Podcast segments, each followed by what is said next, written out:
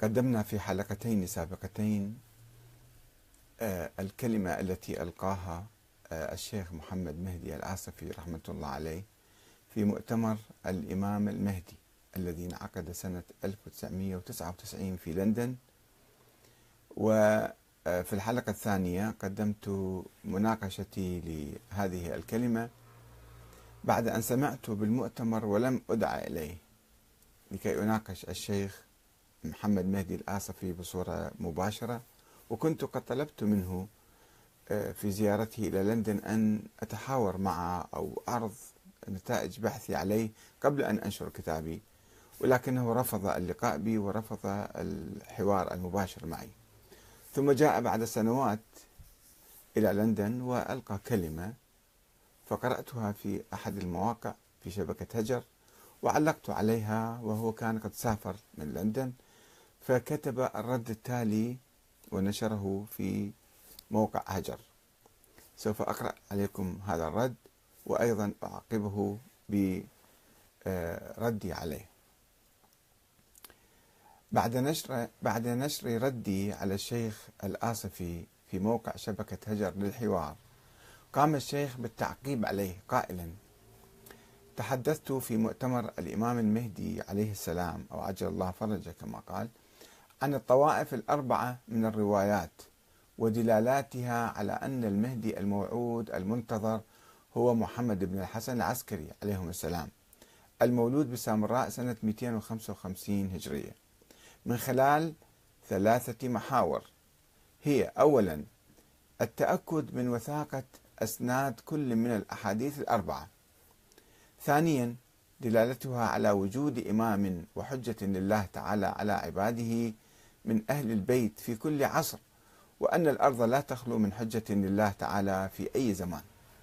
ثالثا انطباق هذه الأحاديث على ما يقوله الشيعة الإمامية الاثنى عشرية عن الإمام محمد بن الحسن العسكري عليهم السلام.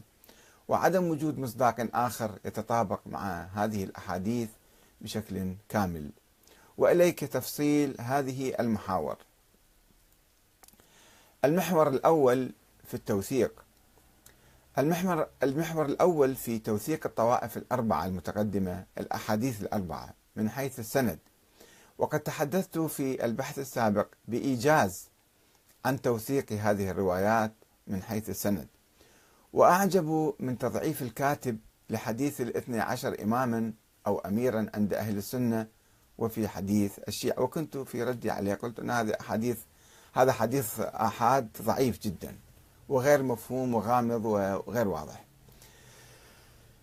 يقول الشيخ الآصفي فقد رواها البخاري بطرق عديدة في الصحيح كما رواها مسلم بطرق عديدة في الصحيح. وقد ذكرت بعض طرق محدثي أهل السنة في الأحاديث الاثني عشر إماما أو أميرا. وأخرج أصحابنا الإمامية الحديث بطرق كثيرة جدا بالغة حد التواتر. وفيها الصحيح الذي لا يمكن فيه التشكيك من حيث السند.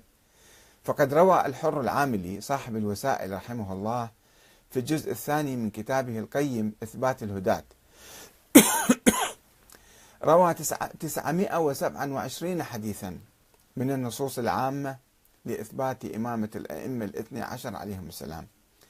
في الكثير منها تصريح بعدد الاثني عشر بشكل صريح وبأسماء الأئمة عليهم السلام. وجملة من طرق هذه الروايات صحيحة بلا إشكال. وهي بالغة حد التواتر أيضا بلا إشكال.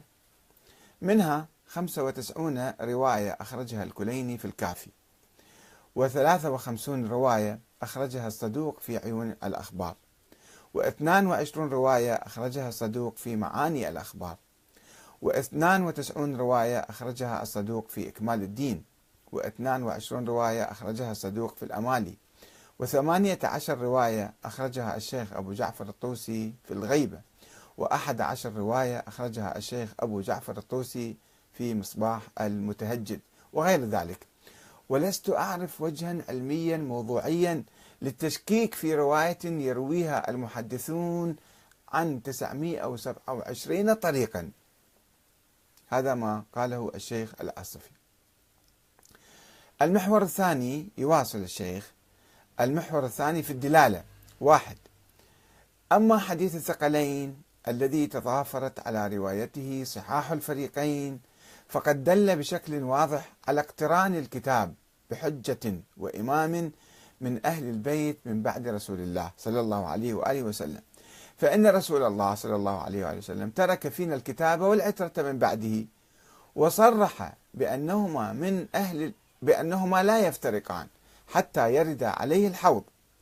وأمر المسلمين بالتمسك بالحجج من أهل بيته كما أمرهم بالتمسك بالكتاب. ومعنى التمسك هو الاتباع والطاعة. وهذا هو معنى الحجة والحجية. وليس للحجية معنى غير اتباع الاتباع والطاعة والتمسك. وهؤلاء الحجج من أهل البيت كما في متن الحديث ومع القرآن جنبا إلى جنب في كل عصر لا يفترقان والحديث مما تسالم عليه المسلمون. ثانيا وأما حديث من مات ولم يعرف إمام زمانه فقد مات ميتة جاهلية أو ميتة الجاهلية فيدل على أليف أن معرفة أولئك الحجج الأئمة والحجج من أهل البيت من الدين ورفضهم والجهل بهم من الجاهلية. بحيث يدور الإسلام والجاهلية معهما إيجابا وسلبا. ومن يمت وهو لا يعرف إمام زمانه يموت ميتة جاهلية. باء ويدل على وجود إمام منهم في كل زمان تجب طاعته ومعرفته وعلى استمرار حلقات الأئمة عليهم السلام في كل زمان وأنه لا يخلو منهم زمان. ومن يضع هذه الطائفة من الروايات إلى جنب الطائفة الأولى من الروايات يجد تطابقا واضحا فيما بينهما.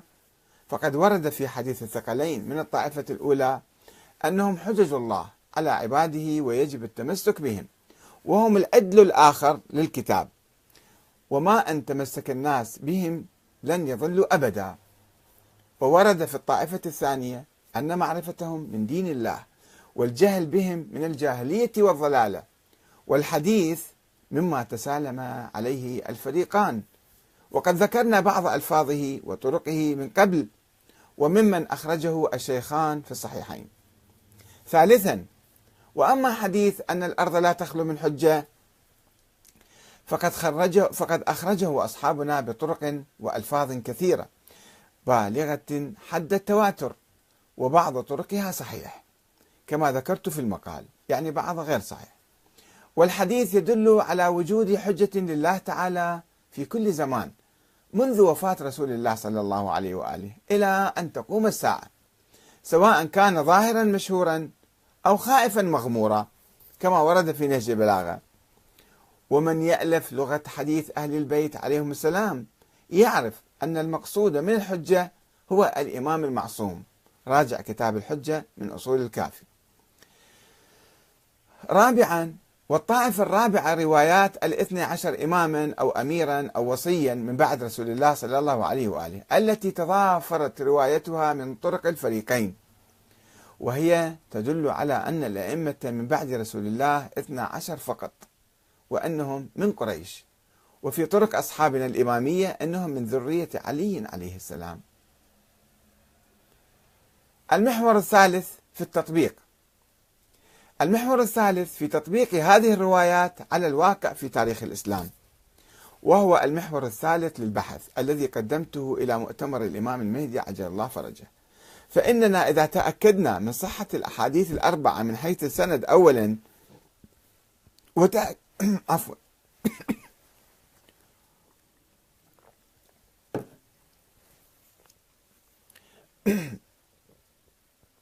وتأكدنا من دلالتها على وجود اثني عشر إماما وحجة من أهل البيت من جانب الله فلا يبقى تطبيق حقيقي ودقيق لهذه الأحاديث غير ما تعرفه الشيعة الإمامية وأقصد بهم الاثنى عشرية.